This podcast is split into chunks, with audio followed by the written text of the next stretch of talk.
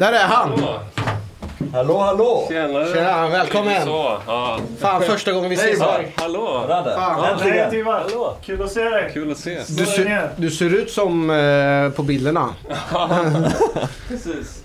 Lite tjockare bara. Vad heter den där... ehm, vad heter den? Är han norsk den här röd... Breivik. Nej, Det måste vara men vad heter han? Han den här i... Han, jag tror han har varit... Tormund Giants Bane i Game of Thrones, är det han du tänker på? Han, är det han samma som har varit med i Beck också eller? Ja, exakt. Ja, vad, vad hette han den här artisten? Jag vet inte vad han heter. Men du... Jag har, jag har, eh, vi har samma grej när han, han har, vi har sett honom utan skägg. Ja, ja. Och då ser man ut som Ja. eh, babyface.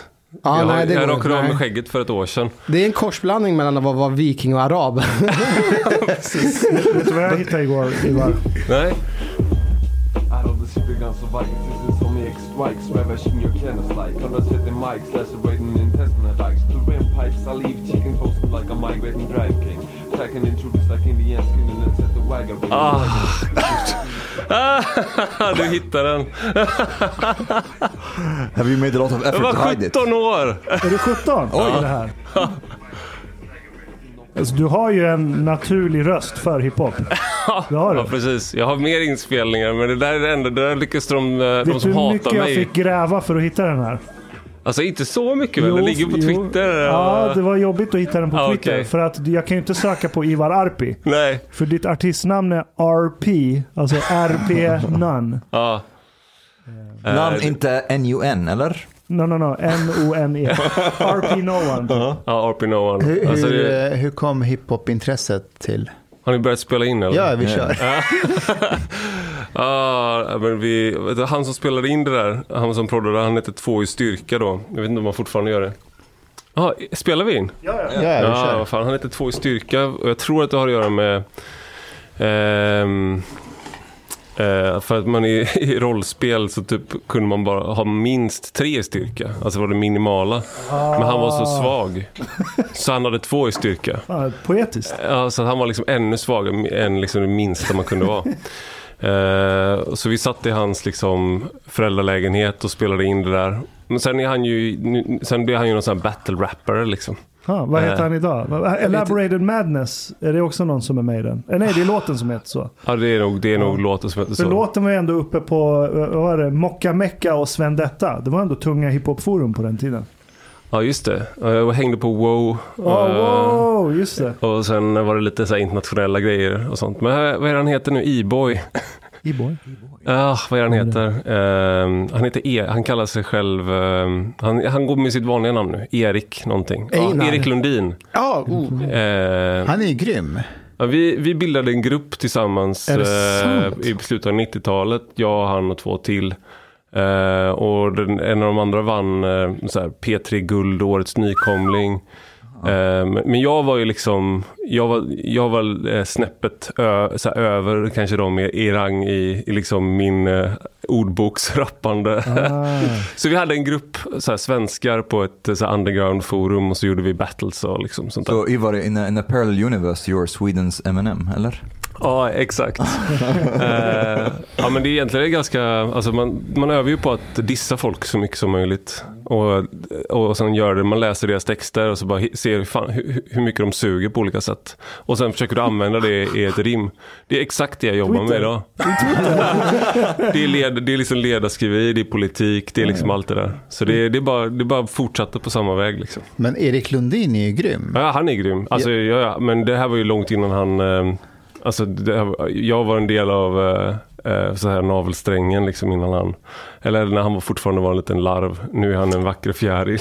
Okej, vad- har, har ni pratat någonting senaste? Nej, det var länge sedan sist. Men när, när han kom till Twitter så sa jag typ tjena liksom. Men eh, vi rör oss inte riktigt i samma kretsar nu. Vet att han hade en artikel i Aftonbladet, en debattartikel som hette Erik Lundin? Erik Lundin. Aha. Han var arg på att den här Lundin Petrols, vad heter de här som borrar? Just det. Lundin Oil eller... Lundin Oil, Ja. att de använde hans efternamn i sitt oljeborrande. Aha. Ja, Alltså det var en jättemärklig artikel. Då är man jävligt article, a whole article Ja. about that. Ja, och det, var, och, och det var flera Lundins. Alltså han hade fått med sig en massa Lundins. Det är som att massa Var, Kalle... var som, Anton Lundin Pettersson med där också? Jag tror det. det, är som att massa, det, är, det är som att massa veganer som heter Kalle går och liksom stämmer Typ så. kaviar Det var en jättemärklig artikel och när jag läste den tänkte jag så här. Erik Lundin, jag gillar din musik, men det här, håll dig borta från debattartiklar. I've never listened to him. Han är grym. Nej, Hans uh, Abiat är grym. Eh, Annie Lööf är grym. Annie Lööf trodde ju att den låten var till henne. Jaha. Hon gjorde någon YouTube-video där hon menade så att ja, jag har gjort en låt om mig. Man bara nej, inte Åh riktigt. nej. Alltså, eh, Är inte det tänk- lite narcissistiskt? fast, fast jag har tänkt på det. Ja. Alltså, Annie Lööf, det är väl 500-lappen han refererar till. Ja, det Men hur blir det Annie? Hur kommer Annie med? Då har det ju någonting med henne att göra eftersom 500 är ju röd och Annie Lööf är ju också röd. Alltså det finns man kan ju inte frånkoppla Annie Lööf helt och hållet från... Han har ju fått en fråga om det har något med henne att göra. Är han, han han visste inte ens vem det var. Typ. Ja men det säger han ju. Sen kan det, det är ju någon som har hjälpt honom. Alltså det finns ju en koppling som man inte från kan... Alltså Lööf fattar jag ju för det är pengar, det är papper. Men hur kom Annie in? Det är en bra fråga. Vad har vi på valutorna? Selma finns kanske fortfarande på 20 lappar, eller? Alltså jag har Selma ingen koll på, på de här. Det skulle kunna vara vem, vem som helst. Jo, men jag har Selma- inte, jag har inte Selma sett en finns. svensk sedel på typ jag vet inte, tio år. Fan, det är ju det. Man kan ju inte referera till personerna på sedlarna i hiphopen längre. Är Nej, just det. Är det därför det har kommit nya begrepp? Som, alltså, ja, men lax har alltid funnits, men typ kanin. Det är en mille. Ja. Ah. You know, we know what in in, uh, in Arabic in Egypt, it's the same thing. Kanin. Yeah. Ja, men det är säkert- Arnab. Vad heter det? Arnab. Ernab. Ja, det kommer det säkert därifrån Vad fan taskigt ord för ett så fint djur. Det är så en lugn, Kanin. mjuk, fin kanin. But, Ernab. but that's the thing. We eat rabbits. so you can't make them cute, otherwise you will not. You will starve. Du, om man hade en helt... om man lyckades med en helt kontantfri samhälle, Ja, hur skulle det påverka drogförsäljningen? ja det, det här är ju, jag pratade precis med en, eh, en kille i Göteborg som eh, eh, hans eh, lill, lillebror, och de hade suttit och eh, typ chillat i Slottsskogen och då hade de blivit rånade. Men de hade fått visa sina konton på telefonen. Så jag tror att det kontantfria samhället bara kommer göra det värre. För att du måste förnedra människor mer. Eh, det här är som Joe Rogan. Jag vill bara, lyssnarna ser inte det här nu men eh, Ashkan trycker in micken i min mun. Det är, någon, det är liksom That's det our king. fetisch. Ja. Det ska vara liksom tungspetsen ska nudda vid varje, varje S. Ja, men jag, vill, jag vill fånga djupet Ah. Den Nej, men, eh, ja. jag tror det kontantfria samhället, det kommer ju vara, alltså du måste förnedra människor mer för att få ut, alltså räcker, om, om, om du har en kniv, hallå? Hej Chang. Chang fucking frick. What's wrong with you? du, du, du vet att du har varit sen till varje tillfälle nu. Och Och du jag, jag, jag är arab.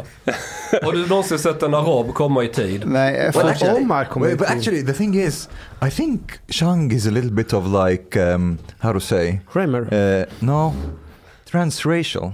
He re- he Mm. really wishes that he's like you know someone from ISIS, an Islamist, you know, wants Sharia law. fortsätt Ivar, vad sa du? Nej men du måste ju förnedra människor mer. Alltså, det här är ingen uppmaning eller så. Men eh, om, du, om du kommer med en kniv och, och liksom vill ha pengarna så kan du säga okej men om du ger mig pengarna så händer ingenting. Och så kan folk ge dig plånboken. Men nu måste du ju så här, du måste följa med folk till bankomaten. Du måste, de måste swisha, de måste visa upp mer information. Så du måste tvinga dem till underkastelse på ett helt annat sätt. Så att, eh, jag, jag, tänker- tror det kontantlösa samhället kommer inte leda till Eh, alltså det kanske kommer leda till färre snabba rån. Men när du väl ska råna någon så ska du göra det fan ordentligt nu. Du kan inte bara gå fram och fan jag fick bara, han hade bara 500 spänn. Du bara, du har för fan 15 000 på ditt konto. Du ska swisha mig. Ja, men vem swishar man till? Det kommer ju synas Det är sant. i registret. Det är då du har Det är målvakter. då du har nio olika identiteter. Arpi. Mustafa, you asked like Hur tror, uh, du, hur tror du det går om jag skulle bli rånad? Du ser här, det är internetbanken. ja. Nu loggar jag in här. Ah, du har, Chang Frick har eh, 1,5 miljoner.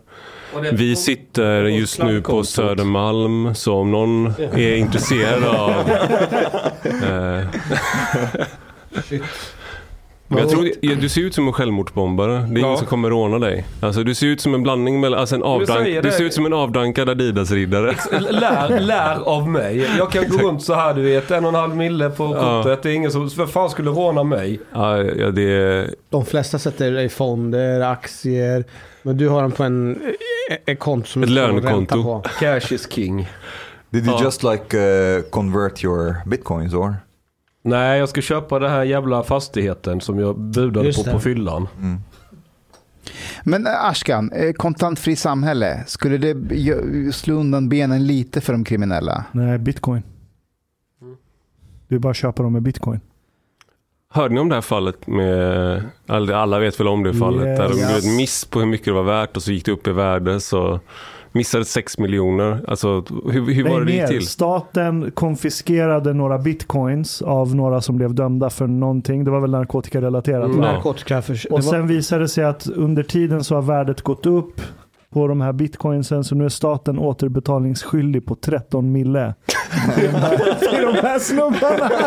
Jag har missat det här. Sta- Staten har aktivt varit med och tvättat pengarna. Yes. För först så dömer de för narkotikabrott. Japp. Bitcoinen används som Japp. bevisföring Japp. att, det har, att de har fått in pengar.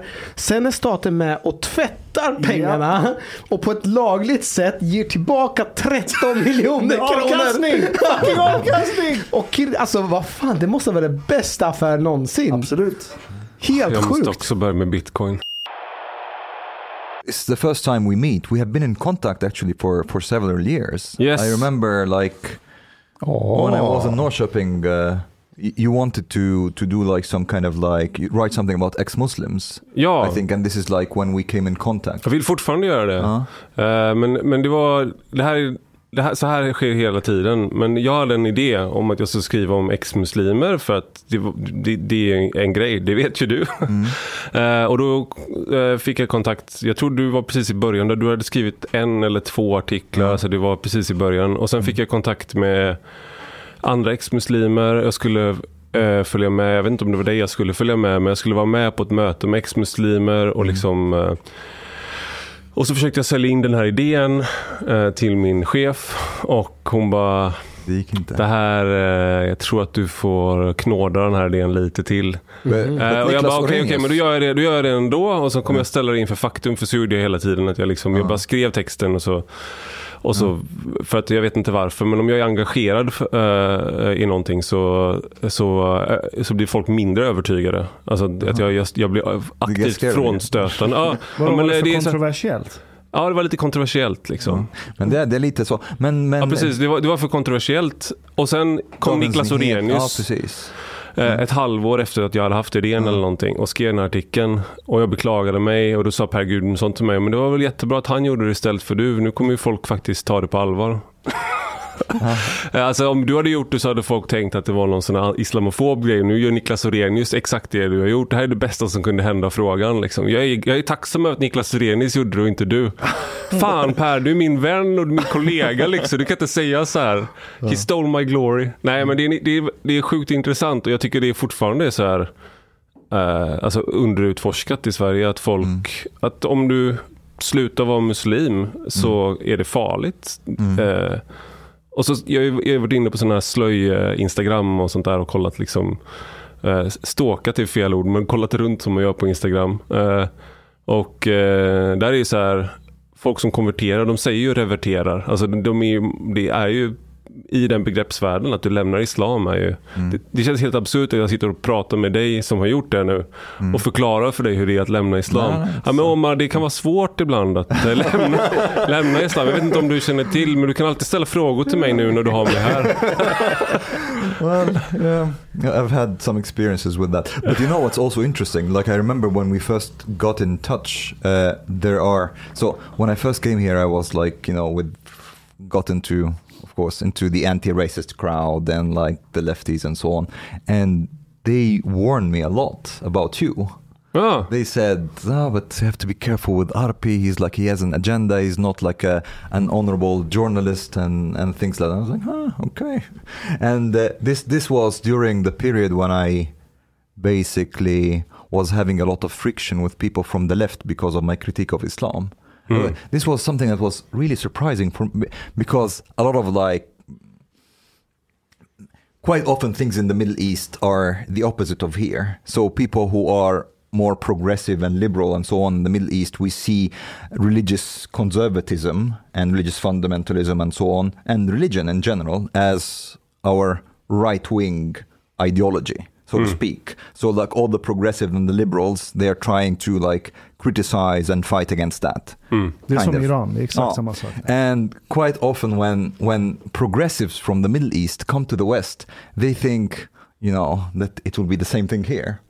So, and it's like one of the things that people, progressives from, from the Middle East, get really surprised uh, about here in the West. That it's it's you know it's the opposite hmm. here. People who say they are progressives are quite often people who are kind of trying to, to some extent, defend or criticize the critique of Islam.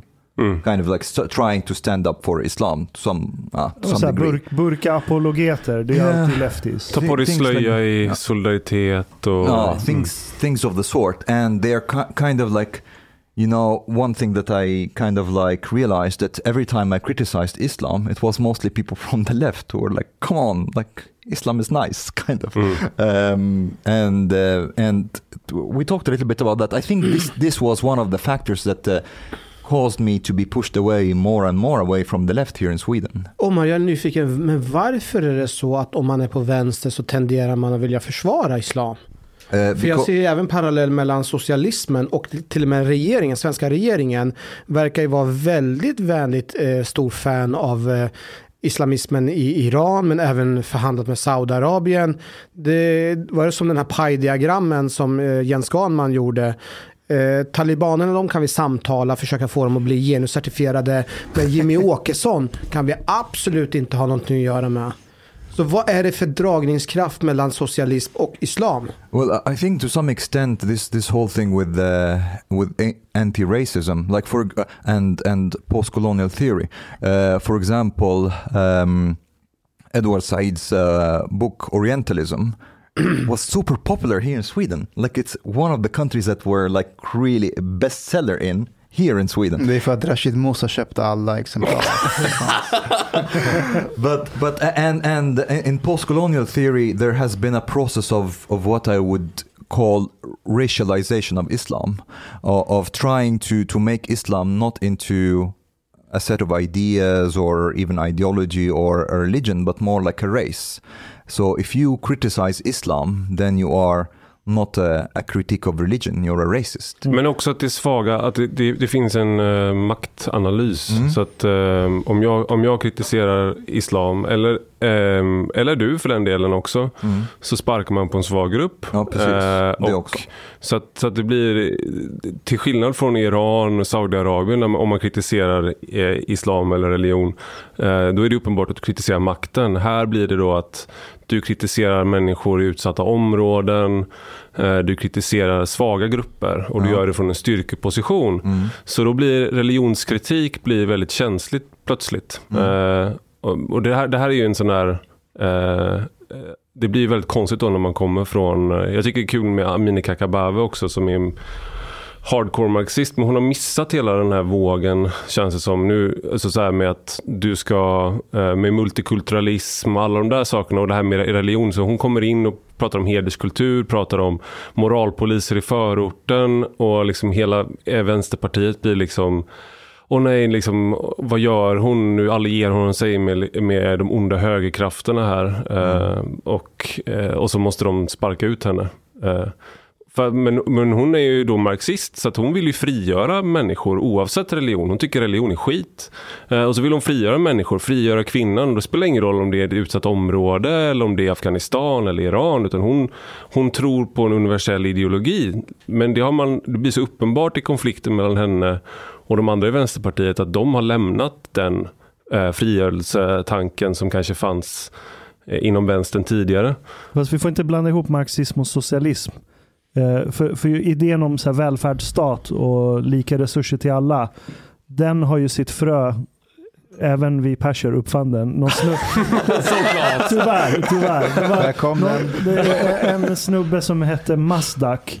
Och jag tror det var från samma Jag tror jag sko- kände honom på gymnasiet. det finns många Masdaks i, i Sverige. Alla de har kommunistföräldrar. Men eh, eh, Masdak eh, var aktiv i, typ i samma era som Muhammad, profeten, peace be upon him, eh, växte och blev den han blev. Alaihissalam.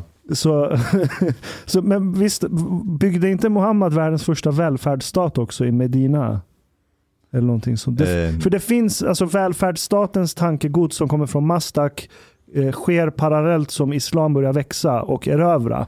Så det finns en länk där som är naturlig.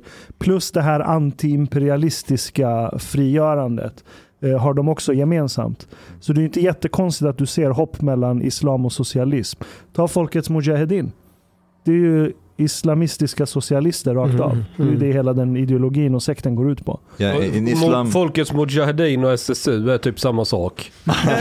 Men de har Mujahedin har vapen. Ja, ja. in Islam there is this uh, this what's called zakah. Mhm. Uh, zakat. Uh, it's Det är basically skatt. Det är yeah, samma ord. Yeah, yeah. It's like um, that's interesting. Uh, It's like uh, you have to give a certain percentage of your um, wealth or income uh, to to the poor. Det är en jättefin tanke. Ja, men, men det här är ju någonting, det här är ju någonting som är med, om man ska vara sån om vi ska sitta här och prata gott om, eh, om, om islamister, så är det ju liksom eh, någonting som återkommer om man läser om eh, eh, som, eh, fromma muslimska härförare och liknande, så är det att man ofta har levt ett enkelt liv och att det där har varit en, inte alla, de är, det finns ju jättemånga exempel på så här, turkiska erövrare som är muslimer formellt men de super ihjäl sig en efter en och liksom eh, så att de inte följer, de följer inte lagen. Men det, det här är ju en, en anledning till att talibanerna har en sån dragningskraft också. Att de har ju haft i alla fall jämförelse med den korruptionen som fanns tidigare i Afghanistan. Eh, och med, jämfört med den korruptionen som har funnits nu under USA, eh, tiden med USA med, eh, där liksom pengarna pumpats in i en korrupt regering, ett korrupt styre. Och de pengarna har, har kommit till skatteparadis. De pengarna har kommit till individer. Du, när de går in i de här palatsen och filmar det och lägger ut. Det är för att visa för folk att vi, det här, så här blir det inte med oss. Uh, och det där, så det finns, det finns en sån ådra i, i, i islam men även i, liksom, i alla de abrahamitiska religionerna där eh, du att leva ett enkelt liv. Att det är, du visar din fromhet på jorden där. It's uh, yeah, it's not. Uh, of course, it's not black and white. Uh, and uh, w- one more thing, there- there's the there's there was this thing called Beit el Mal. So uh, this is like mm, literally it's house of money. So basically, you send your money to this, and like the state starts to like distri- redistribute towards like poor people and so on. But it's true, like even like the concept of like um, spending too much on on luxury and so on. It's actually very frowned upon in Islam. It's it's it's actually kind of a sin. It's called israf Mm. uh, when you spend too much. Är det frosseri? Uh, it's it's a sin, and um, and the, the thing is, um, like we spoke before about, uh, you know, people who build empires and then they reach the height and the luxury and the prosperity and they start to fall. The same thing happened also during Islam. So first they were like you know these Spartan like warriors and so on, um, living a very Spartan life, and well they were like enslaving women and so on. Yes, but uh, apart from that, um, not not yeah. But uh, then there was the Umayyads, Umayyad Caliphate, and the Abbasid Caliphate. They they became actually kind of less religious quite often. There were many of these caliphs who Det var persernas fel. um, Det var, de, tog över, de tog över den persiska kulturen och palatskulturen, slutade vara nomader, enkla beduiner Exactly, som yes. levde i brödraskap. Och så såg de persernas rike, de bara, "Haha, man kan, man kan bo i ett palats liksom. Varför ska jag vara ute i öknen och rida med mina bröder? Jag kan ha ett harem. Exactly, and then they and they started to like having poetry about wine and things like that. and- Hafiz, Omar Khayyam. Uh-huh. Men det här är samma med mongolerna. När mongolerna först dök upp eh, så var de klädda i ruttnande djurhudar. Eh, Och sen så tog de ju över hela världen. Det tog dem eh, typ tre år att ta över eh, Mellanöstern och Europa och 80 år att ta över Kina. Men sen pratade de, de var helt medvetna om det, att vi håller på att bli feta, vi håller på att supa ihjäl oss. Så de, försökte, de hade liksom en kampanj för varje generation i Kina, i Yuan-dynastin, att skicka tillbaka mongolerna, alltså deras söner, för att rida och lära sig bli mongoler.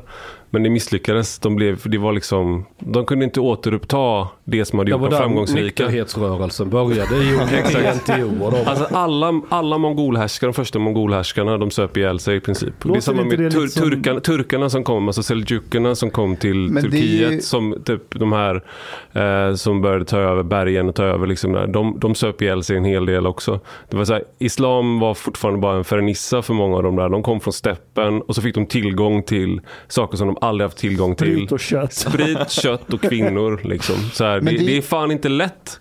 Det är, Det det är bara som, raggarbilen som fattas. Exakt. det är precis det som hände somalier i Sverige. Det är därför deras föräldrar vill skicka tillbaka dem på en resa hem. Så de går tillbaka till rötterna. Ja. Blir disciplinerade, lär sig mer om att respektera föräldrar, lyssna på dem och så får de komma tillbaka. Mm. Vi borde lyssna mer på de här somaliska mammorna som vill skicka hem sina barn. Nej, Och- men är, men är det inte det Sverige Jo. gör med de här ensamkommande? De skickar dem ju tillbaka. Det är en konflikt mellan äh, vad heter det, gymnasieamnestin och personer som vill skicka tillbaka dem. Va- vänta, vänta. Men de Skicka här tillbaka somaliska dem. kidsen ska ju komma tillbaka. Exakt, de ska komma tillbaka, lära sig Ah, mer men om... Ensamkommande kommer alltid tillbaka. but but but that's also that's also another thing. It depends on on in many cases they are sending them not necessarily because they want them to be away from criminality. But quite often they also think that the Swedish society has too corrupt values, and they don't want them to have the Swedish values. Uh, and the same case, like for example, with uh, girls who uh, who are sent back because they their families don't want them to have boyfriends and like or to become too Swedish and so on. Uh, Jag, jag, kan, jag kan känna en viss sympati. Vet- Alltså, jag jag, skulle, jag vill inte att mina barn ska bli för svenska heller om jag ska vara ärlig. på vilket sätt? Nej, men, eh, det är ju, vi, vi har ju en ganska pervers kultur på många sätt. Ja. Eh, nej men eh, ta... Eh, liksom, nu, nu har precis min äldsta börjat förskoleklass. Ehm, vi har ju liksom en sjuk indoktrinering i en viss, typ, ett visst sätt att se på världen. I liksom, det vår version av woke-kulturen. Liksom. Du, du har Tänker du genus och sådana grejer på Ja, det, förskolan? det går, igen, går igen i extremt mycket och jag fattar då liksom, eh, jag fattar varför, det är väl här då när dina vänner då som jämför, liksom här är det typ Jimmy Åkesson som är talibanerna och sånt där. Att, som om man ska vara självkritisk då. Så att, ja, det finns ju, jag har en kritik som är konservativ mot svensk kultur där vi är idag. Alltså, vi, man, man ska eh, liksom hylla det normbrytande, du ska hylla allt det där finns, som finns i barnböcker. Du ska ha barnböcker med liksom transbarn. Eh, alla starka hjältar i alla barnböcker är, är flickor idag. Alltså, och på tv också på Netflix. Alltså det, det är liksom det är konstant tryck från en ideologi på alla fronter eh, som man upptäcker som förälder. Och då är, alltså, om jag hade varit eh, Alltså det är klart man tänker sig att om, om jag hade upp, varit uppvuxen i liksom ett, eh, ett land med, som var annorlunda så skulle jag varit en av de goda eller sådär. Men, men, men jag hade också reagerat tror jag om jag kom från eh, eh ett annat land hit. Och jag, menar, jag, jag har kompisar från Östeuropa som reagerar på, sam, på, på de här sakerna. Ehm, det låter alltid dåligt när någon från högern säger att de har kompisar från Östeuropa. De är specifikt, de är specifikt från Ungern, vilket inte gör saken bättre. Ehm, men alltså just att de reagerar på att vi eh, vi ska sätta barnen extremt tidigt i förskolan. Vi har extremt hårt tryck på en viss värdegrund, ett visst sätt att se på saker. Ehm, Okay, well, uh, och du ska ha sex. Du ska ha sex. Det är inte det, det, det, är inte, det, är inte, det, det, är inte det att du ska få välja själv. Utan det är liksom om någon säger att fast kan det inte vara bra att avstå. Det är extremt provocerande i Sverige. Att Ah, vänta Ivar, med sex. Det, det är där du sätter fingret på. För anledningen till att Omar hyllar mycket av det svenska, det är just det här med sex. Han vill kunna ha sex med alla de här I understand, I understand med, med you, you kvinnorna think i that, Sverige. that's not, that's jo, not true. fast Omar, det, det, det, finns två förklaringar tror jag här. Dels så tror jag så här att det har med sex att göra. Du, du vill gärna ha ett öppet samhälle och vill kunna ligga med vem som helst. Vill inte Och du? Nej, Nej, Ja, men vill inte du att nej, någon jag vill ska inte ha ligga. sex? Jag vill ligga Men med han en person. nu. Ja, men Exakt. Jag vill ju Han öppna vågar nummer inte ett. säga något annat. Nummer Frida kan ett. lyssna Nummer, det ett. Nummer två. Jag tror att Omar är inne i någon slags smekmånadsfas. Du, Hur du, länge? Han har bott här i fyra år nu. d- Nej, man är, man man är kvar i den fasen ganska länge. Du, alltså har du också hållit på med det där? Ja, Knulla jag- runt? nej, men när jag, Har du när jag, levt som en haram? nej, när jag kom till Sverige, då älskade jag allt med, med, med, med Sverige och svenskheten. Och så fort någon från som Afghanistan eller något annat land kritiserade det svenska så blev jag skitarg. För att jag såg alltid det svenska bättre som allt det andra. Det var en smekmånadsfas. Den, den höll i sig ganska länge innan man började... Du vet, en del av att vara patriot, det är också att du kan kritisera ditt land. Ja, men det är också så här familjeband är en sån där sak. Alltså, nu, jag, älskar, älskar, jag älskar mina föräldrar, jag älskar mina svärföräldrar. Jag hoppas att de inte lyssnar på det här. Eh, men eh, det, det, liksom den generation, alltså det här, om du får barn i Sverige till exempel. eh, det finns ingenting naturligt i att du, så här, dina svärföräldrar eller dina föräldrar hjälper till. De har sin, de är individer, de ska förverkliga sig själva. Självförverkligandet är liksom det högsta värdet för en, sven- för- i Sverige i vår liksom offentliga ideologi. Du ska bli så mycket individ och så tillfredsställa liksom dina, så här, ut och resa, du ska göra alla de här grejerna. Att tänka sig att du har vissa förpliktelser som sitter i hela livet som inte du har valt men som kommer på grund av blodsband eller på, kommer på grund av eh, lojalitet som du har med en vän som du har känt länge. Eh, det där är liksom saker som inte passar in i den här välj själv, eh, förverkliga dig själv. Och det där är liksom, och kollar man på generationerna som då var för, födda på 40-talet, 50-talet. Det, det är ju liksom, de, fort, de är ju tonåringar hela livet. Där, där är jag med dig. Jag, jag håller ju på sedan flera år tillbaka och bedriver jihad mot självförverkligandet. Ja. För, för det är en skitreligion. Den Ja. har tjänat oss väl i nästan 500 år nu. Men tiden för den är ute. Och det är exakt som du säger, man blir bara en dekadent, ansvarslös tonåring. Ja. Wait, I have to I have to comment just something on what Mustafa said. Sure. But Mustafa, this is not true at all what you're saying because. Uh, and I unders- and I can sympathize a little bit with what Ivar is saying uh, about indoctrination and so on. But I mean, in a way, all cultures have indoctrination. One can even say that it's actually necessary for cultures to to survive, to 100%. indoctrinate Yes. people into the culture. This is so. But but then there are some value systems that are better than others, and I would say definitely the value systems in in in Somalia and the Middle East they are worse than the value systems here. This is just what it is, and and and just In to continue way? about uh, in individual freedom, for example, and many things, and to compare, for example, the idea of kyskhetskultur uh, compared with the idea of sexual liberation. Uh, these are the the opposites of each other, yes, but they are not equal. Like women in Egypt, like girls in Egypt, are being sent to prison for dancing on TikTok. Okej, v- vem vill ha but- but- but, vill but ha this, det. This is what I'm saying that why the idea of like uh, chastity culture, it's you cannot have really an idea of chastity culture that does not really punish in one way or the others individuals who deviate from the norm this just doesn't work. You can think that well yeah like you can have you can spread the idea that for example having sex before marriage uh, is not is not good and think that this will not really uh, affect how the fathers react to, towards their daughters when they have sex. This this will not happen. But at the same time even if there is this belief here in Sweden that everybody should have sex there is no there is nobody that is like kind of beating up women who do not have sex or sending women to prison who don't have sex so uh, Men- chastity Men culture and sexual li- liberation they are not the same Det är bra att ha lite av den här, liksom, alltså, för jag har två småsystrar. Mm.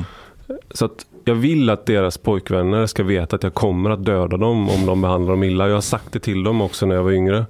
Eh, och det är liksom inte för att, det är inte för att min syster inte ska få pojkvänner utan det är för att det är bra om de människor vet att det kommer ett straff. if they mistreat them yeah of course but then men, det, men det är lite inte kyskhetskultur. nej det är inte det Eh, Men där, That is där, what I där kan man säga att man har då anammat en icke-individualistisk eh, liksom sådär. Och jag kan tycka vissa sådana grejer då med, eh, det är väl det här är också en sån här sak att jag tycker att Alltså vi har, vi, vi har en, en kultur som Ashkan var inne på där med liksom att man blir tonåringar hela livet med självförverkligande. Vi har, vi har en dekadent kultur i bemärkelsen att vi har väldigt svårt att komma vidare i vår kultur. Och det gäller inte bara Sverige, det gäller västerland. Vi gör, vi gör eviga remakes, det här är lite bredare, liksom. vi gör eviga remakes på, på filmer, vi gör eviga remakes på, på böcker, på teman. Vi kommer liksom inte vidare, vi lyckas inte förnya oss. Vi dyrkar liksom ett dokument där det står mänskliga rättigheter. Vi har satt gränser för vad du kan göra med politik. Vi har satt vissa, och allt det där är liksom, det, det, det är förstelnat. Och på vissa sätt då, och det har ju också att göra med att vi är en, eh, en kultur som har blivit äldre. Det vill säga vi, snittåldern i väst är väl runt 50 år. Alltså det är skillnad på en sån kultur och en kultur då som när tyskarna invaderade eh, Frankrike eh, någon gång av, i ordningen, jag tror det var 1870. Ehm, Frankrike stannade av i sitt barnafödande så det kom liksom Eh, Tyskland hade så här 20 miljoner eh, unga människor medan Frankrike hade 4 miljoner. Då, då, då, då invaderade Tyskland Frankrike och spör, spöade dem. Det, det, det, det är liksom en, en dynamisk kultur. Jag menar inte att man ska invadera andra länder, men en, i en dynamisk kultur så sker förnyelse. Jag, jag skulle säga att vi just nu så är vi i väldigt stort behov av självkritik och att eh, eh, mycket av det vi har indoktrinerats i i Sverige också är saker som inte funkar. Ehm, men, det här, det innebär, inte- det här innebär, demographics inte, also. det här innebär inte att det du, jag håller med dig om det du sa med att, att, det, att det, det innebär inte att eh, som somalisk kultur är bättre än svensk. Däremot att vi inte ska eh, liksom, jag, jag tycker självkritik och förnyelse är liksom en positivt, men jag tycker inte vi gör det på rätt områden alltid. There we agree. Ehm, Det, det är en grej jag måste dubbelkolla med dig Mustafa. När du säger att så här, nej det är inte bra att ligga runt med jättemånga. Menar du att det är inte bra för dig? Men att Omar får göra det hur mycket han vill. Och det Jag har- skiter du i. Ja, ja, verkligen. Alltså, Varför har du, eh, en, varför har du en smörk i ditt ansikte? Nej, nej, alltså eh, så här. Det Jag blev lite Fast det har ju det inte där. jag sagt att man ska ligga runt. Eller vad man, det, jag, det jag har sagt är att, att jag... eh, vi hörde vad du sa. Ja. Jag säger att jag är tveksam till om, om, om det är så, om det är någonting man ska sträva efter att ligga med så många som möjligt. Jag tror, jag tror att de flesta i slutändan ångrar det när de har, när de har kommit till en viss gräns. Att nja, Oj. Det är väl- Inte som man Oj, oj, oj. Alltså jag, jag, tänk, jag, jag tänker att jag, jag, har legat med ganska, jag har legat med ganska få skulle jag säga. Eh, Ivar har du ångrat alla gånger. Ja, precis. Jag har ångrat alla gånger. Nej men, nej, men det, man har Hur många två... har du legat med då? Vad sa du? Hur många har du legat Ja, med? men I varje man så finns det två vargar. Den ena är kåt och den andra är kåt. Du är kåt. Nej, jag bara ska, nej men är, du, du har ju en, en del av en är ju att man är liksom många i alla fall. Att man är eh, som en, vad är det, Genghis khan har typ 200 miljoner ättlingar eller någonting idag. Han låg ju med hur många som helst. Så man kan säga att alla, många, må, många män har liksom någon typ av liten Genghis khan inom sig. som är liksom frikopplad, som bara, man vill bara sätta på. Man ser, och det är bara en del av hjärnan som är liksom på. Eh, och sen har man en annan del som är så här, men det är jävligt jobbigt, jag är för trött. Eh, jag har en flickvän, jag har en fru, jag har en familj. Eller liksom, jag är inte så, det är inte värt eh, mödan med den här människan att lägga in allt det där. Eh, och det, liksom, man kan ju inte bara vara Djingis khan. men Det, så det, man kan ju inte Nej. bara vara... Och antag, då kom, för man har den andra sidan också som också är att man vill ha kanske, för de flesta, att man, man mår bra av att vara i en relation. Alltså män som är 50 år och singel och inte har familj. Eh, det, det, det är oftast, oftast så brukar man så hänger man sig åt fel saker då. Alltså Mm. det, det, det, jag tror personligen så är det liksom en räddning för mig att jag har en fru som står ut med mig och att jag har barn. För annars hade du blivit en Genghis khan. Nej, jag hade bara, men jag tror att jag hade varit väldigt destruktiv. Och det här är liksom en sanning. Män blir destruktiva om de inte har kvinnor som håller dem i schack. Ivar, vem tror du är Genghis khan bland det här gänget? Alltså ingen av er. Nej, Nej, jag vet inte. Men det, det, jag alltså, blev själv förvånad när jag fick veta vem som är Genghis khan. Eller har varit Genghis khan. är det, Nej, jag tror inte Chang heller. eller, vem är Djingis khan? Ja, det är Ashkan tydligen. Det är Ashkan. Askan? Har Askan Ja, men- varit en häradsbetecknande? Okej. Men det är det här jag menar. Det är att en anledning till att vi eventuellt kanske censurerar det här nu. Det är för att du eventuellt träffar någon. Och då tänker jag så här. Kan man verkligen stå för hur många man har varit intim med och sen Alltså, Men varför, varför, Men varför det är problem? Ja, men För det, första, jag vet, för det första, jag vet inte var Hanif har fått sin information för Jag, andra, jag avslöjar inte mina källor. Enkätundersökningar.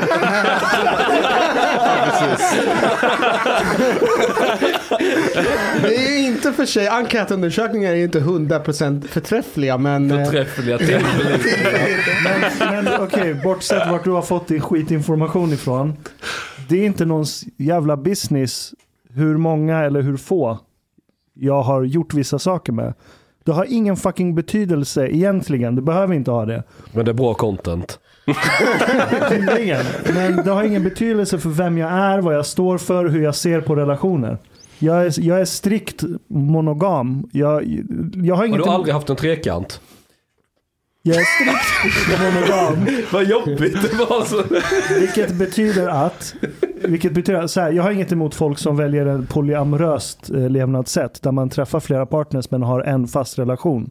Det här, det är så du gör det. Nej, det är så, jag gör inte så. Jag, Aha, okej, är jag i relation med någon så är det den lojaliteten som eh, är prio över allt annat. Men du har haft en trekant. Jag är strikt monogam Kolla på honom, kolla på när jag är i en relation med en annan person. på honom. Alltså Omar, Omar, är, Omar är ju arab, Mustafa... Om, Ashkan, kan inte du berätta lite detaljer då? But wait, it's, it's like it's the same thing. Like for example, if you get in the, into a relationship with someone, it's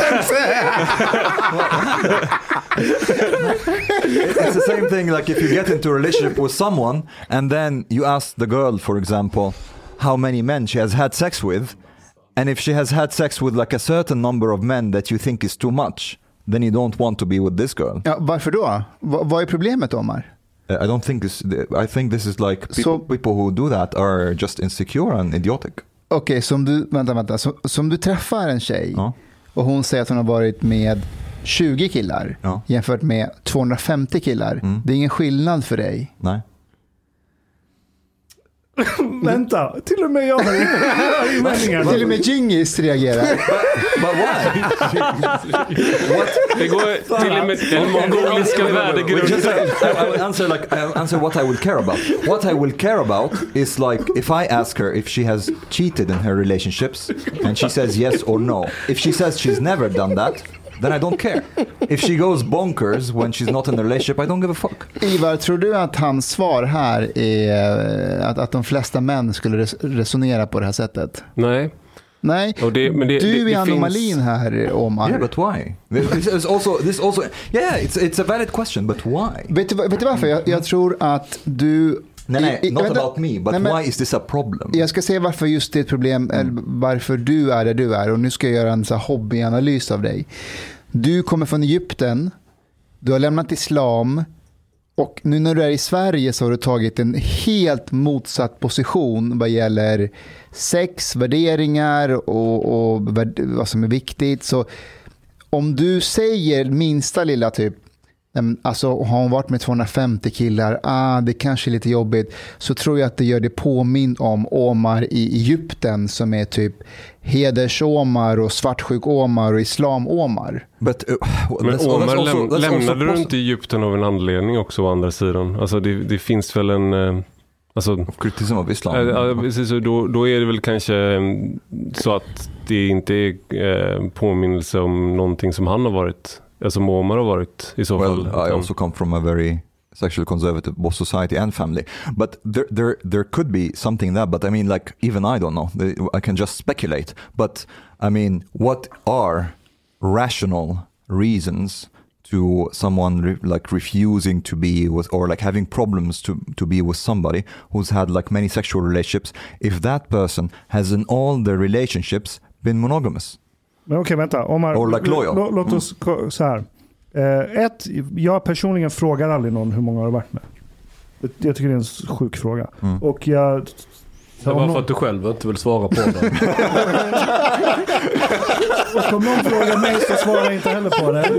Men... Men...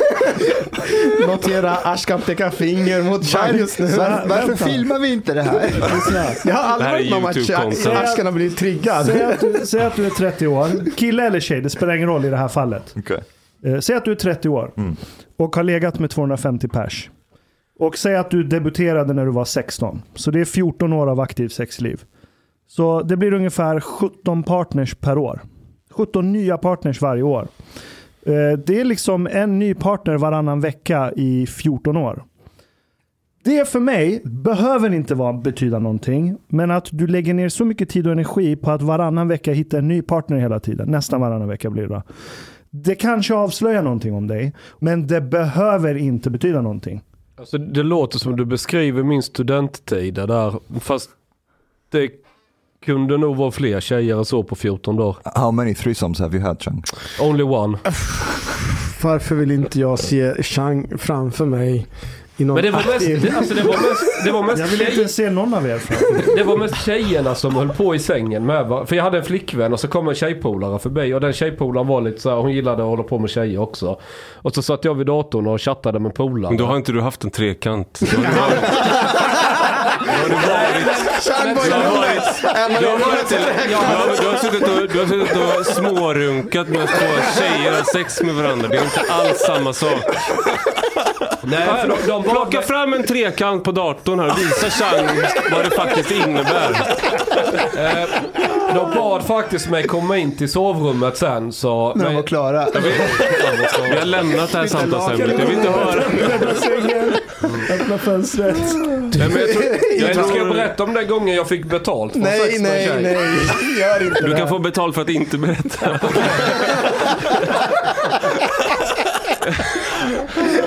Okej, berätta. Det, det var faktiskt så att hon var, hon var väldigt pilsk och ville jag skulle komma dit. Pilsk, Horny. kåt, horny. Aha, okej. Ja. Och... ehm, så jag frågade på polare då. Jag hade en tjejkompis här, eh, bor ute i sko- skogen utanför Älmhult som eh, hon ville skulle bort och spänna på henne. Vill ni, ska ni hänga med? Ja, för fan.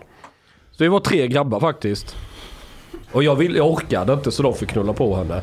Men sen så ville jag ha pengar till bensin. Så då fick jag faktiskt pengar av henne. Så jag kunde köra hem igen. Så vi fick ju betalt för att vi kom dit bara med ett syfte. Is Ja, det, är, det är en fantastisk story, Chang. Va? Det är En fantastiskt fin story. Nej men, ja, men rent tekniskt så var ju jag lite av en hora den gången. Designated driver. Nej, nej jag hjälpte nog till. Jag kommer inte ihåg om jag knullade på henne eller inte. Men jag vet att Det, Ivar, det är jag har- ingen preposition i det ordet. preposition. Det behövs ingen preposition. Vad menar du? Det- det- behövs på inte. behövs inte. På är överflödigt. det, låter, det låter liksom så... Det låter, det låter som att det, att det liksom är mer kraft. Det är som att man liksom inte kan bromsa med en med, med, så knulla på. Så, Oj, fan. Alltså, det är ju som- lätt att alla andra har sex. Man har inte sex på någon. Det antyder att den andra inte är med Men liksom. har ni aldrig varit på Hultsfredsfestivalen? Jo, eller så? Jo. det har varit två Ja men då vet ni väl vilken dekadens det är där? Ja, ja. Ja. Och det är väl fullt normalt. But, uh, but Ivar, on the other hand, you are critical to niqab and burqa, for example. Ja, ja. And so on. Um, but, um, and um, I also... uh, Men Jag är emot kyskhetskultur. Men jag tror att Ashkan var inne på det som jag tycker är. Och det, det det här handlar om. Jag hade en kompis som gjorde ungefär sådär. Eller han hade liksom... Han, han har haft liksom upp mot tusen. Alltså, det var hans huvudintresse under studietiden. Han tog CSN för att träffa tjejer. Han var liksom på alla datingsajter, ser bra ut och sådär. Så, och sen så var han liksom, det var så här helt, helt galet. Eh, och det är andra saker i den personligheten som, så här, som, gör, som på, gör sig påminda ibland. Eh, och det är han är helt gränslös liksom. Mm. När det gäller be- bekräftelsebehov. Så kokain, alltså, alltså han bara går liksom, blir galen i perioder. Missbruk. Det är missbruk. Det är sexmissbruk. Exakt. Ja, och- det. Så, så, så att det, det, är ju någon, det är en indikation på någonting. Eh, men jag tycker inte att man blir smutsig av det. Och det är Okay, väl ja, det som är... Det är väl enough. där, That I där, can buy. That I can så buy. att du det- sa att du tycker inte man blir smutsig? Nej, nej, jag tycker inte det man blir smutsig. Okej. Utan, men däremot så kan det vara en indikation som du var inne på, på att du har, här har du någon som har ett väldigt stort behov. Kommer jag, som en, kommer jag kunna tillfredsställa det här behovet? Eh, om, om du då har haft då 17 per år i 14 år och sen ska du vara monogam. Då finns det det, kommer mycket bli som, jävligt svårt. då kommer det vara svårt. Jag- alltså jag det finns en bara- indikation. Jag, jag måste bara tillföra till protokollet att just i det här fallet, återigen jag vet inte vart du får din smutsiga information ifrån Hanif, men eh, det just i det här fallet så är jag en väldigt normal medborgare. Det, det var ingen som har frågat, det var ingen som har påstått Du kallar mig. Genghis khan. Nej, jag sa Han var i- inte en normal medborgare. Det var inte det alltså. well, during that time maybe it was okay, but uh, but uh, I, I want to just like uh, to to talk about this niqab and, and burqa Men thing. får, jag, får jag bara kommentera på det här med att, att man inte är smutsig? Jag, jag vill bara säga att man är lite smutsig. Nej, men får, får jag säga varför? Därför att en person som har varit med över tusen personer, generellt så brukar de här personerna prata i inte så jättetrevliga termer om de, de har lyckats erövra. Jag håller med. Ja, och de, de, du vet, det, är- det är inte så att om man har varit med 1000 eller 500 för en del att man säger så, ja, jag, jag hade jättefint med nummer 32 och nummer 33 var också jättefin. Och hon var, Ja. och anledningen till att jag vill säga att de här personerna är lite smutsiga, det är att om du tycker att du har erövrat personer på det sättet, och så, hon- okej, hur har du behandlat dig själv? Du är, du är ju också en person som du bara har Men, liksom... men, men, jag tror det här är också en skillnad. Det här är väl där, där jag tror att ibland att den sexuella frigörelsen framställs som en kvinno, alltså frigörelse för kvinnor. När det på många sätt är en frigörelse för män. Eh, och att eh, monogamin är bättre för kvinnor än för män. Och om du kollar på liksom hur homosexuella män, att man kan kolla på sexuella preferenser, att män generellt sett i hela världen, oavsett vilken kulturreligion de tillhör, har för, vill ha mer sex, sexuell variation än vad kvinnor vill. Och du frågar människor liksom i, i naturfolk, du frågar människor i Japan, i Mellanöstern, i Sverige. Eh, och kvinnor vill inte det på samma sätt. Och det, på, alltså på gruppnivå då får man alltid lägga men, till. men det finns en viss spridning där. För kolla, till exempel jag personligen, eh, så kul med Genghis khan och så här, men jag personligen tycker inte ens om att ha sex med någon. Om jag inte har Inte en- alls. vänta, om jag inte har en emotionell koppling till den personen. Så är det helt så här skit, alltså jag tycker inte ens om det. Jag gör inte det. Och jag tillhör, och det är det som är kruxet med Homo sapiens. Det är att vi är varken monogama eller polygama. Vi är en kombo. Vissa är, jag tillhör det som kallas för eh, pair bonding species. Att jag liksom vill skapa långsiktiga band med någon som jag är med. Eh, Men det finns också de bland oss som är det som kallas för tournament species. Som är mer lagda åt att bete sig polygamt så att säga. Eh, och Omar. Jag vet inte. Ja, men Omar Jag säger själv att han är tournament. Ja, det kanske du gör. Jag vet inte. Men, Men, det, det, men det, det du säger nu, det är också så som män, det är så här män eh, ska prata. Alltså jag, jag, säger, jag hävdar inte att du, att du hittar på nu. Ja. För att det, det finns en, för jag, en av mina bästa kompisar är han är liksom, vad- det är hemskt att, vad vad hemskt att vara ute med honom när man var yngre för han var liksom starkare, snyggare, eh, smartare, roligare. Alltså han bättre på alla sätt eh, än vad man själv var. Så han tog alltid all uppmärksamhet. Men han är en sån där person som just varit med extremt få och varit väldigt monogam.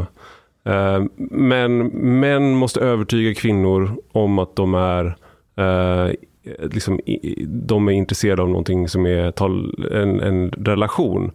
Och kvinnor kan ibland behöva övertyga män om att de tycker att det är häftigt och kul att ha ehm, eh, kort, alltså, kortsiktigt sex eller bara de är ute efter sex. Och sen så kan man göra liksom en old switcheroo. Att man bara plötsligt så sitter man där som man och, och är ihop med någon. Eller som kvinna Eh, om mannen lyckas då. Och så, bara, men, eh, så blir man ghostad efter att man haft sex. Trots att den här mannen utgav sig för att vara, ja. gilla skogspromenader och allt det där. Ja men kolla, jag, jag är skittydlig med det där. Mm. Eh, personligen. Eller jag försöker vara det i alla fall. Eh, men jag tror det måste gå åt båda hållen. På tal om förnya kulturen och att vi har Mm, mm. st- förstelnat oss själva. Eh, på, sam- på samma sätt tycker jag att vi måste uppdatera kulturen i det att de som inser att de är tournament species lagda, alltså mer polygama av sig, att de också kan ha polyamorösa förhållanden utan att det ska vara något stigmatiserat eller konstigt. Jag vet flera som är i sådana förhållanden. Och det var en som berättade för mig, så jag försökte få mig att fatta hur det funkar. Han var så här, Ashkan, kolla min partner liksom kanske är borta någon natt då och då med någon annan. Men min partner kommer ändå, trots att den träffar massa andra som den kanske har sex med och gör massa saker, den kommer ändå hem till mig. Och den lojaliteten kommer du aldrig fatta. Hon kanske han. inte hittar en annan bostad. But uh, did, did you listen to this conversation? Uh, I can't remember who who, uh, Uh, it was on Sam Harris podcast, The Mating Strategies of Homo Sapiens. It skitbra. was really interesting. And uh, he was talking also about... Jag intervjuade honom i min podcast, David Buss. Yeah? Ja, så det, om, Oj. om ni vill lyssna på en intervju Ah, istället. jag- Skit i Sam Harris, tysta på Ivar Arpis intervju med David Buss. På rak höger med Ivar Arpi. Ja, är det i nya podden då? Ja, det var Ah, senaste avsnittet. Ja, jag, jag, jag, har lyssnat I, på I will det. listen to it. Ivar, But, uh, jag, jag but- måste bara säga en sak. Jag är väldigt förvånad över vilka gäster du har lyckats få på så kort tid. Honey, Du gör I det. finished, wait. Nej, men, Ja, Förlåt, berätta, berätta om... yeah, eh, I was like just just saying about like uh, that it's also interesting how they they view men and women view loyalty and and uh, disloyalty. That uh, he was saying that the first thing that the woman says when she discovers that her partner has been with someone else, do you love her? And the first thing that the man asks, did you sleep with him? Uh, this is the thing. Thing like uh, men care much more about like the physical integrity of their partner, not to be violated, while women care more about whether they developed feelings not. Någonting säger mig att om Hanifs partner hade varit otrogen så hade han frågat, älskar du? men, men jag ska bara tillägga i protokollet också att det här vi pratar om att eh, bygga band och känslor.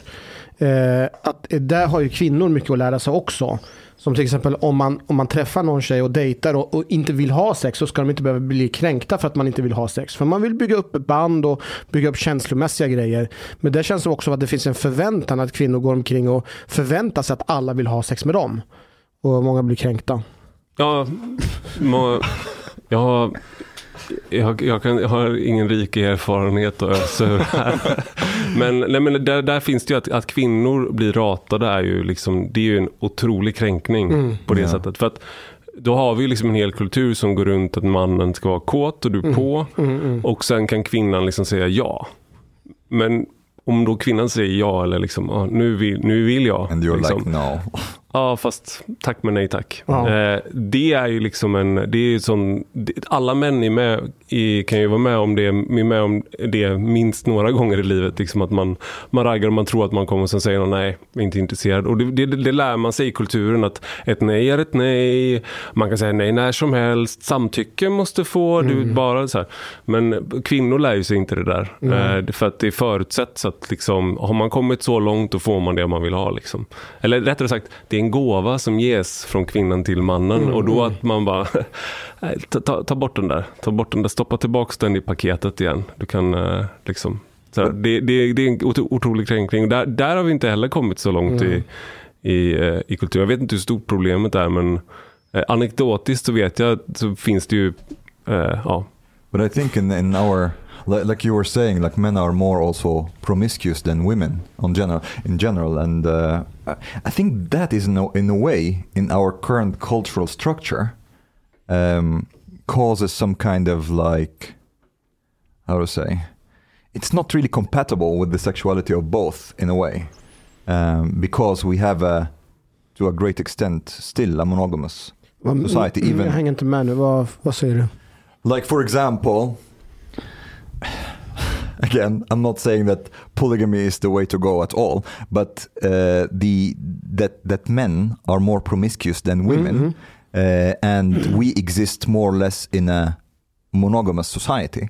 That means that our culture is definitely biased more towards female sexuality than male sexuality. Just det. Um, and oh, well, this is the current culture, uh, cultural structure. But the thing is also polygamy or promiscuity can be good for men, better for, for men maybe compared to women, but not necessarily better for society in general hmm. because it can be also very destabilizing for all the men that don't get any women. If like some some guys have like I don't know a lot of wives and the others what will they do and somebody i can't remember if it's tinder or something else they had like statistics Yes, about sir. the the mm, the matching and Mm, swiping mm. behavior of men and women and they were saying that women are very selective men basically they they swipe right on everybody and they they are saying that um, it's like the top 20% Just of that. men Mm. are getting like 80% of Mm. women det. and if you and kind of everybody tends to be unhappy except these top 20% of men because most of these women are also looking for relationships but they are getting attracted to the top tier guys who suddenly have like all these women, why would they settle down? Kind of. And then 80% of men are not having anything. Um, De, de där 80 procenten, vet ni vad det är? Det Ja. där är som när talibanerna tog över Kabul och går in i de här palatsen. Och bara plötsligt, de har allt. De har pengar, palats, and gyms. gym. Så de vet inte hur de ska använda skiten. De bara går runt där som idioter.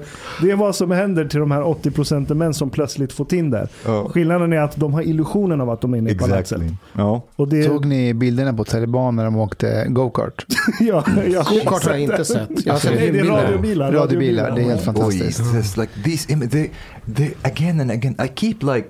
I feel that there's like the architecture, uh, architect of this t- simulation keeps sending us signals and playing with us. Will they figure it out? here, here is Taliban, like in electric cars, like bumping each other.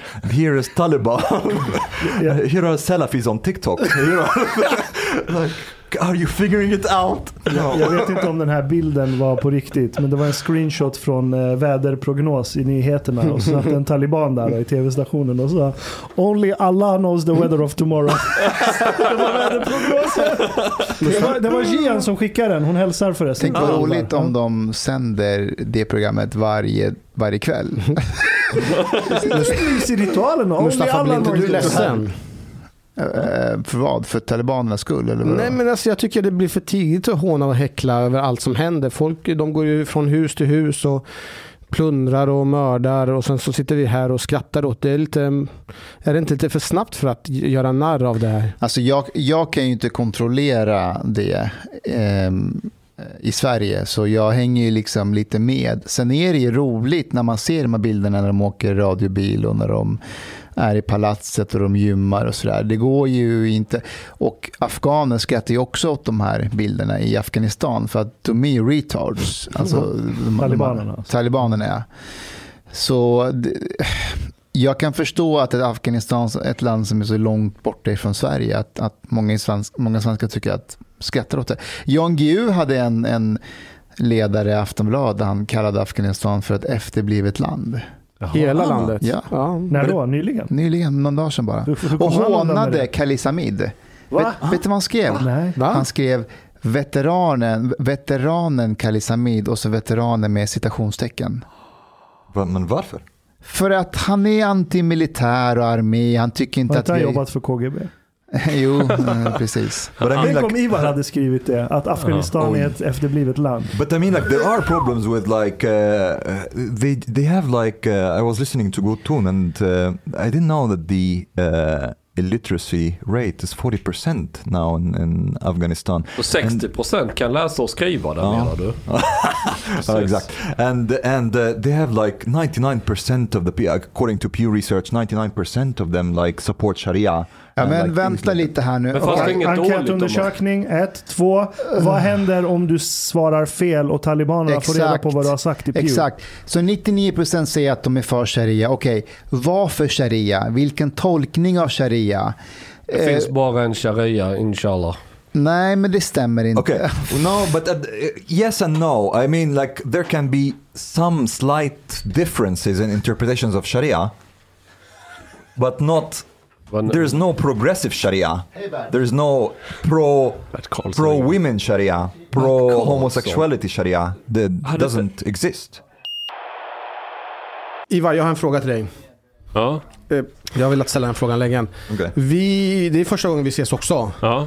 Eh, jag uppfattar dig generellt sett som en väldigt eh, korrekt och hedlig person och så. Men... Having said that. För några veckor sedan så ehm, Ändrades den bilden? Nej, men jag, jag, jag blev lite så här tveksam för jag var på en middag hemma hos Mustafa. Eh, och då trä- träffade vi bland annat några andra från Bulletin. Mm. Eh, och diskussionen kom just på eh, konflikten som har varit i Bulletin. Och, Vilken konflikt? ehm, Har jag missat något? det har väl varit för upp, upp, öppen ridå skulle jag säga. Och, och frågan ställde sig kring eh, vad jag tyckte om, Ivar, om dig. Och jag har ju aldrig träffat dig men jag, jag uppfattar dig som en väldigt hedrig och korrekt person. Eh, jag fick bland annat, eh, jag fick väldigt mycket skit, väldigt mycket hat. När du sa Tino det. du träffade. Tino bland annat. Träff, träffade du Tino? ja, Det, det låter som att det var Tino. Tino, Tino varit väldigt upprörd och arg på mig. Åh lilla vännen. Det är så Men- jobbigt att vara Tino jag fick höra bland annat andra som sa, eh, jag, refer, jag behöver inte eh, säga deras namn, men att eh, du är en jävla mytoman. Ja, och du hå- håller på och ljuger och hittar på grejer hela tiden. ja. Vem kan ha sagt det? Och Vem kan ha sagt vem- Det var ju faktiskt, eh, det, det var mycket som Tino sa, men det var andra som sa det också. Mm, var det hans, En- blind, var det en- hans blindtarm Pontus? jag, jag kommer inte ihåg ifall det var någon som sa, Blindtarmen Pontus. jag kommer inte ihåg om det var, det kan vara, Kan det ha varit han?